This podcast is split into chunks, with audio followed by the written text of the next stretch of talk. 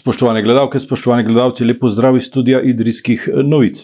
Gostja v današnji oddaji o kulturi je gospa Marija Mercina, sicer literarna ustvarjalka, upokojena profesorica in predvsem ugledna poznavalka dela Franceta Belka, ki jo prav lepo pozdravljam v našem studiu. Dobrodošli. Dobrodošli, hvala za vabilo. Glede zadnjega imam pripombo.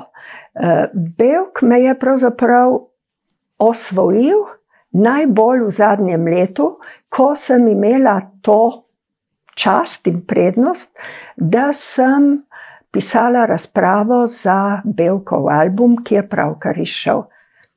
Sicer se ne štejem za poznavalko. Tako. Tako, tako ste razkrili tudi temo današnjega najnega pogovora. Ja, torej, sem pa navdušena nad njegovim pisanjem, vse od otroških let dalje.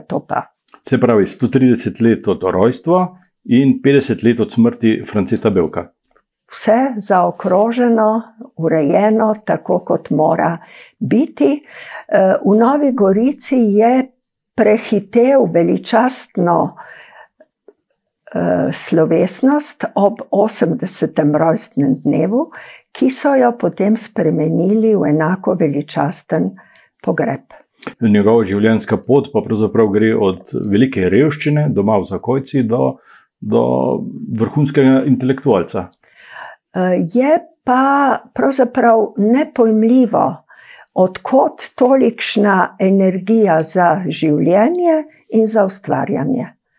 To, kar pri njem najbolj občudujem, eh, ne kot poznavalka literarnega dela, ampak čisto tako, s čimer me kot človek najbolj preseneča, je prav ta neverjetna življenjska moč, ki se kaže na vseh področjih, osebnih in ustvarjalnih. Pa tudi ta, bi rekel, zvestoba do, do okolja, do naroda. On namreč med obema vojnama uh, ni zbežal v Ljubljano, v Jugoslavijo, ostal je na primorskem. Uh, temu se bomo gotovo čudili še mnoga desetletja, ker je neverjetno. Namreč on je bil že po sprejemu Rapalske, po podpisu Rapalske pogodbe, povabljen v Ljubljano. V krog doma in sveta, z urednikom nad vse uglednim Izidorjem Cankarjem. Imel je službo, bil je preskrbljen, pa vendar se je želel vrniti nazaj v Gorico. Gorica je pravzaprav bila mesto, eh, ki ga je čutil kot svojo usodo, vse tako kaže. Vse do leta 1943, do kapitulacije Italije, ko je iz zapora odšel eh, skupaj z ženo, kasneje šel neposredno v Partizane. V Partizane. Eh, ampak to ni bila samo Gorica. To so bili tudi italijanski zapori, večkrat, prvič pa res v Gorici, in potem ne samo eno izgnanstvo na otoke v Južni Italiji, in tako in podobno. E, France Belk je bil, kot vemo, večkrat poročen. Sedaj, po 50 letih po njegovi smrti, so v tej knjigi prvič objavljeni tudi podatki o njegovem družinskem, zasebnem življenju, imel, mis, imel je, mislim, da osem otrok. Se vam zdi prav, da so ti podatki mhm. objavljeni? Eh, iz spoštovanja do otrok, eh, pa tudi iz spoštovanja do Franceta Belka, ki je vse priznal in po vseh svojih močeh skušal za nje tudi gmotno poskrbeti. Eh, od teh otrok je v otroških letih umrla samo Jerica, to je eh, deklica, ki sta jo dobila z Davorino in je pokopana skupaj z očetom in mamo na Sokanskem pokopališču. Sicer pa je bil Francebek izrazit pripovednik. V knjigi sem zasledil podatek, da je pravzaprav črpal iz pripovedi starega očeta, ki je bil znan pripovedovalec v Zakojci. Uh, Mislim, da je nedvomno eh, ta osnovni vzorec, kako začnemo pripovedovati, da se zavedamo, da je treba neko pripovedno besedilo zgraditi, strukturirati in tako naprej. To je gotovo prijel v najnežnejših letih in ima zato posebno veljavo. Uh, ampak Belk je bil tudi zelo dober pesnik, rekli bi poenostavljeno, ekspresionistični pesnik, in bil je tudi zanimiv dramatik. Vendar je njegovo najobsežnejše, eh, pripo, torej pripovedništvo je najbolj obsežno, vseh naslovov so zdaj šteli, naj bi jih bilo 164 in Od teh 164 naslovov so res v glavnem pripovedna dela. Skupna naklada pa kar milijon in pol izvodov, impresivno.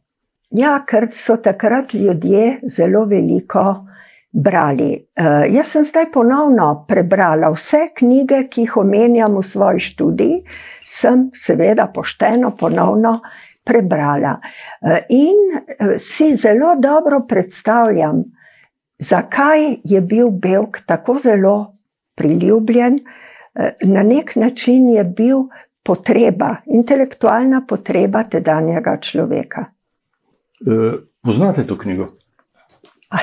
ja, ja, bi bila sramota, če je ne bi. Ne. Mislim, da sem za časa poučevanja to prebrala skoraj vsako leto, in ni nič preveč. Zdaj Avtor? ponovno. Avtor?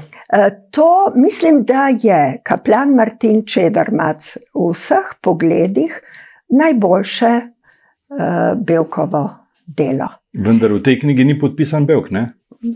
Ne, ker je, mislim, sploh, da je to delo išlo, da je premagalo vse te ovire na poti do bravca, je že pravi čudež. Namreč, ko je France Belk to delo pisal, o tem piše v svojih spominih, mrak za rešetkami, se je pri njem oglasil karabinier, bili so kot stari znanci, ki so ga kar naprej obiskovali, na srečo pa niso znali slovensko. In ko ga je vprašal, kaj piše, mu je rekel: Roman o ljubezni. In sama tudi mislim, da je to roman o ljubezni, do vsega, kar je slovensko in kar izvira iz slovenskega jezika. To je bila prva premagana ovira.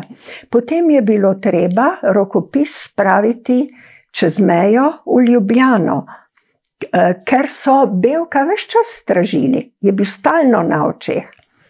Je prišel srečno v tiskarno, Tam se pa zdi, da je morda bil kakšen ovaduh ali pa na ključje, da so premetali tiskarno ravno potem, ko je bil tisk dokončan in že potem iz tiskarne so ga že odnesli. Ampak nenavadno je en dan po izidu se je pod psevdonimom Pavla Sedmak roman že znašel na mizi italijanskega konzula v Ljubljani. V, eh, sumili so, da je to Belkovo delo, vendar mu v tistem času tega niso mogli dokazati, in tako je kaplan Martin Čedermac po skrivnih poteh v veliki nakladi prvič prišel med ljudi. France Belk je živel v nekem neverjetnem času, Eh, ko so se sistemi menjavali, dve veliki vojni je dal eh, skozi, kot se reče. V prvi je bil kot vojak, ob koncu in tudi v drugi. On je bil po letu 43 v Partizanih eh, in je nekje zapisal, da nikoli ni bil tako zdrav v celem življenju kot takrat v Partizanih. 17. leta so ga pa upoklicali med Prvo svetovno vojno. Vedno pa zvest primorski, tudi na primorsko se je v zrelih letih zelo rad vračal in obiskoval šolarje. Uh, to, uh, ta navezanost na primorsko je pravzaprav velika skrivnost. Ker očitno ni mogel druge tako dobro ustvarjati. Se je živel tudi v Trstu, krajši čas. Ne, ampak na Goriško je bil tako zelo navezan. Ne.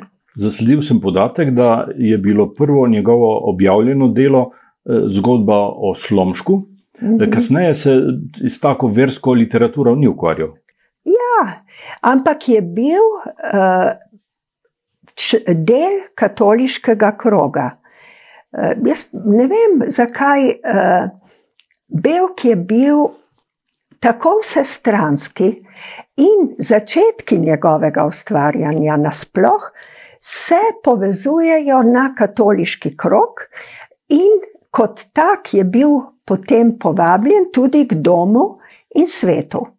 Ampak eh, tam je bil ta ne, genijalen urednik Izidor Cankar, brat, bratranec Ivana Cankarja, zanimiv tudi potem, da je leta 1934 aktiviral Evropski pen, Združenje pisateljev, da so po 40 dneh uh, osvobodili Belka iz internacije, če ne bi takrat Izidor Cankar z vsem evropskim penom posredoval pri Marinetiju in od tam pri Mussoliniju, tako se piše.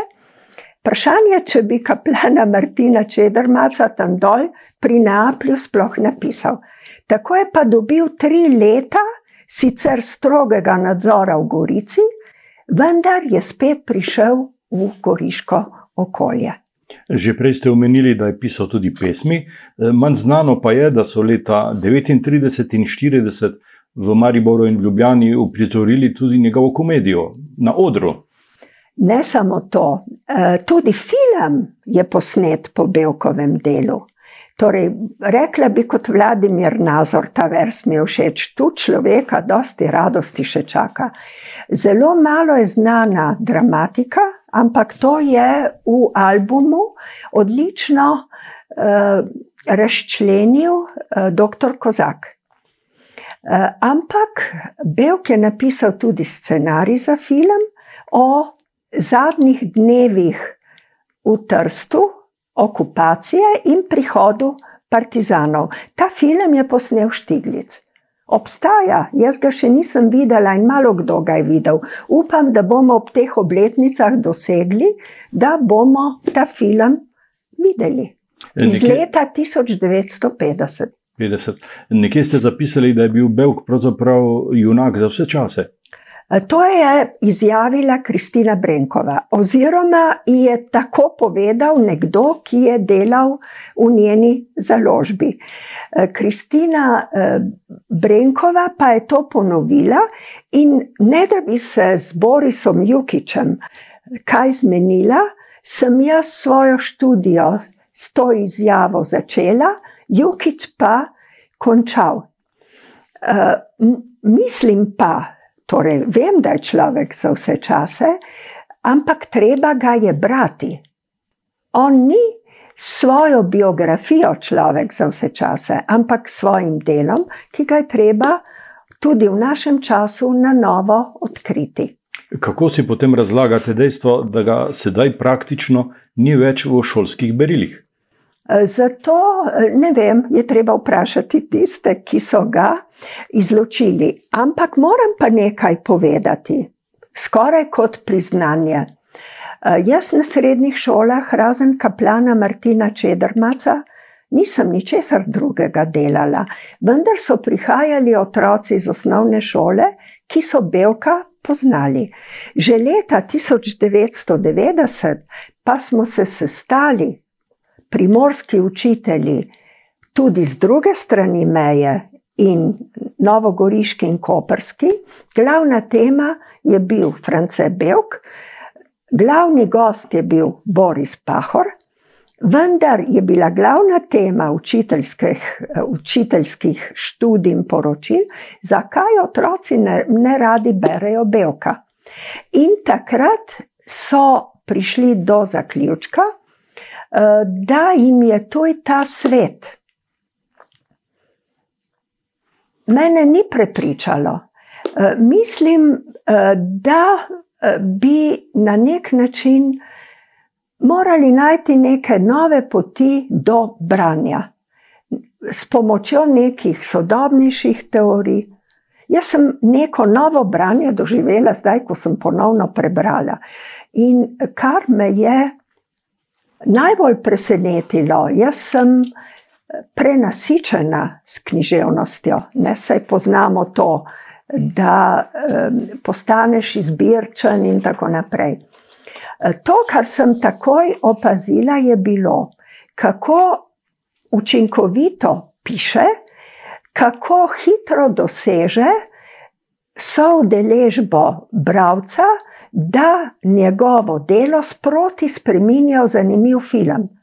Torej, piše tako, da imaš izredno močne, hitre vizualne predstave. Po mojem, se da odkriti marsikaj še pri Belku. Se bomo pač, jaz ne več, ampak učitelji se bodo gotovo trudili v tej smeri. Današnja mladina najbrž nima osebnega stika z zgodbami o pastircih, o pesternah. Ta svet je svet preteklosti. Ni čisto tako. Zakaj pa beremo zgodovinske romane? Jaz se spominjam uh, krvavih jezdecev, ki so mi pri 12 letih pomenili kot odkritje sveta ponovno, s svojo grozo, prepričljivostjo, z ljubeznijo, s polnostjo in tako naprej. Ne? Tako da pri Belku je veliko več kot ta kmečki svet. Pač ne bomo brali kmečkih povesti, ampak je še veliko drugega. Tudi človek, kako je opisan pri Belku, to je tisto, kar je najpomembnejše. Včasih se zdi, da je na Goriškem, eh, v navednicah rečeno, bolj popularen kot eh, na Crkljanskem ali pa v Baški grapi. Uh, popularen ni več, ker uh, bil je popularen v tistih časih uh, velike potrebe po slovenski besedi v knjigi. To je pomenilo, da se upiraš, da si še vedno ohranil človeškost na, ne, na nek način. Ne? Tako popularen ni več. Šola trenutno naredi premalo. Bo treba pač poiskati neke načine. Ne? Ampak vsekakor pa je Belk najpomembnejši književnik v Novi Gorici, je legenda novogoriškega življenja s spomenikom in z vsemi poimenovani. Ampak v Novi Gorici ima še drug pomen. Pomeni živo potrebo sprejemati dediščino iz Gorice, ki je izredno bogata, ampak če je ne poznaš, pač tega ne moreš vedeti. Belk pa ti jo dobesedno prenaša v Novo Gorico, če jo hočeš videti. V mladih letih je živel v Gorici, v v zrelih letih pa v Novi Gorici. In se je za to odločil sam, eh, ampak v svojem zadnjem intervjuju, eh, to je bilo dve leti pred smrtjo, eh, se prav veseli, kako je meja že odprta. To je bilo leta 68, kako se odpira meja. Tam je tudi potožil, da je utrujen, da mu ne dajo miru, da ga kar naprej vabijo. In torej 78-letnega človeka, ki je še vedno pisal članke in tako naprej, urejal svoje spomine, so vabili na bralne značke, potem na odkritje partizanskih spomenikov, povsod je imel slavnostni govor, sodeloval je pa tudi pri izredno pomembnih komisijah, ne za mejo, ampak komisije, ki so urejale status teh primorskih fantov, ki so kot vojaki trpeli po celem svetu, ker so iz italijanske vojske mnogi padli v ameriško ujetništvo. To so zgodbe, ki jih malo poznamo. Belku so pa bili blizu ti problemi in se je po svojih močeh trudil, da jih je reševal. Bi bil Belk danes vesel, zadovoljen, ko bi se sprehajal preko danes samo še namišljene mejne črte? Joj, bi bilo lepo. Namreč on je v Gorici bil stalen gost določenih gostilen. E, imel je svoj krok prijateljev, ki so bili ustvarjalni. To je bila goriška elita tiste dobe. Ne. Tako da, in ko bi videl to živo pretakanje, ne, ker prava reč, kupovati smo hodili tudi, ko je bila zaprta. Moj oče je hodil s potnim listom, če ni bilo drugače. Ampak ne gre za kupovanje, gre za možnost sodelovanja. To je pa tudi bilo, ne pozabiva, da so 74. leta začeli izdajati slovenski primorski biografski leksikon, v katerem so enakovredno zastopani pomembni ljudje z obeh, z Italije in Jugoslavije, in ti, ki pišajo, znanstveniki, so tudi iz obeh držav. Potem to moram še povedati, ker je tako nepojmljivo. Ampak ta slovenski primorski biografski leksikon, ki je nastajal tako, kot pravim, in izhajal v Gorici pri Goriški Mohorjevi, ni smel nazaj čez mejo, ker Beograd ni dal dovoljenja, ampak je prišel v Goriško knjižnico, tihotapljen. In smo ga hodili gledati tudi brez dovoljenja. Tako. Eh, France Belk je bil po drugi svetovni vojni član eh, rekel, elite, vodstva te države, uh mhm. eh, -huh. partizanske vojske, pa vendar je ostal skromen. Zapisano je, da je zavrnil najem, prevzem vile v Ljubljani ja, in da je šel ja. v stanovanje, v blok. In tudi v, v Sovkanu sta žena živela v skromnih razmerah. Uh, gotovo je to njegova osebna značilnost. Ampak tudi mislim, glede na to, kaj mu je pomenilo pisanje in tudi kaj so mu ljudje pomenili, ni imel časa za uresničevanje pohlepnih želja take vrste.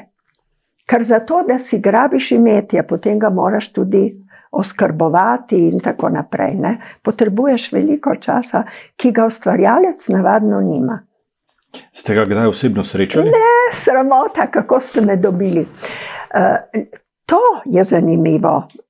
Vipavski konec, mislim, Vipavska dolina, posebno njen zgornji del od Ajdovščine na vzgor. Belka ni vabil na šole. Tudi Danila Lokarja ne v Ajdovščini. Uh, jaz sem premišljala, zakaj ne. Brali pa smo, ogromno smo brali. Uh, nisem imela nobene učiteljice slovenščine, ki bi bila primorka. Vse odlične, ampak nobena primorka. Mogoče je to povezano s tem. Tudi v Novo Gorico sem se vozila v gimnazijo, se slučajno nisva srečala, ker jaz sem z vlaka tekla v šolo, šole nazaj na vlak. Ko je on redno vsak dan skozi predor pod Panovcem, peš prihajal, v središče Nove Gorice. To je manj kot deset minut hoda. E, sicer pa je leto 2020, leto jubilejev, ob tem, da se spominjamo Belkovega rojstva in, in smrti, eh, mineva tudi 40 let od smrti Cirila Kosmača, ki je umrl in, leta 80. In, in 10 let od smrti Jožeta Felca. Ta dolina je dala kar nekaj zelo. velikanov. Uh, in tudi Jaz sem tudi o tem veliko premišljala. Eh, in odgovor dobim tudi v sodobnejših eh, teh teorijah, kako brati. Recimo, če je umetnost visoka prilagoditev človeka v boju za preživetje, ena najvišjih, ker omogoča abstraktno mišljenje in tako naprej. Ti ljudje so se morali neskončno bojevati, da so preživeli. In v tem so imeli vsak dan večjo potrebo tudi po umetnosti in so pač razvijali tisto, ki so jo lahko, ker ni samo zgodbarstvo v tem koncu, je tudi podobarstvo. Grohar se je rodil iz vse te tradicije, crkljanske, selške in tako naprej. Ne? Kaj bi svetovali našim gledalcem ob koncu? Takoj prebrati eno belkovo delo, in če jim ne bo všeč, takoj odložiti. Namreč eh, glavno pravilo svobodnega bralca je, da lahko knjigo odložiš in poiščeš spet novo. Eh, gospa Marija Mercina, najlepša hvala, da ste prišli v studio in eh, hvala za ta pogovor. Hvala za vabilo, vidite, da se rada razgovorim. Ja, hvala lepa. Eh, vam, spoštovane gledalke in gledalci, pa hvala za pozornost.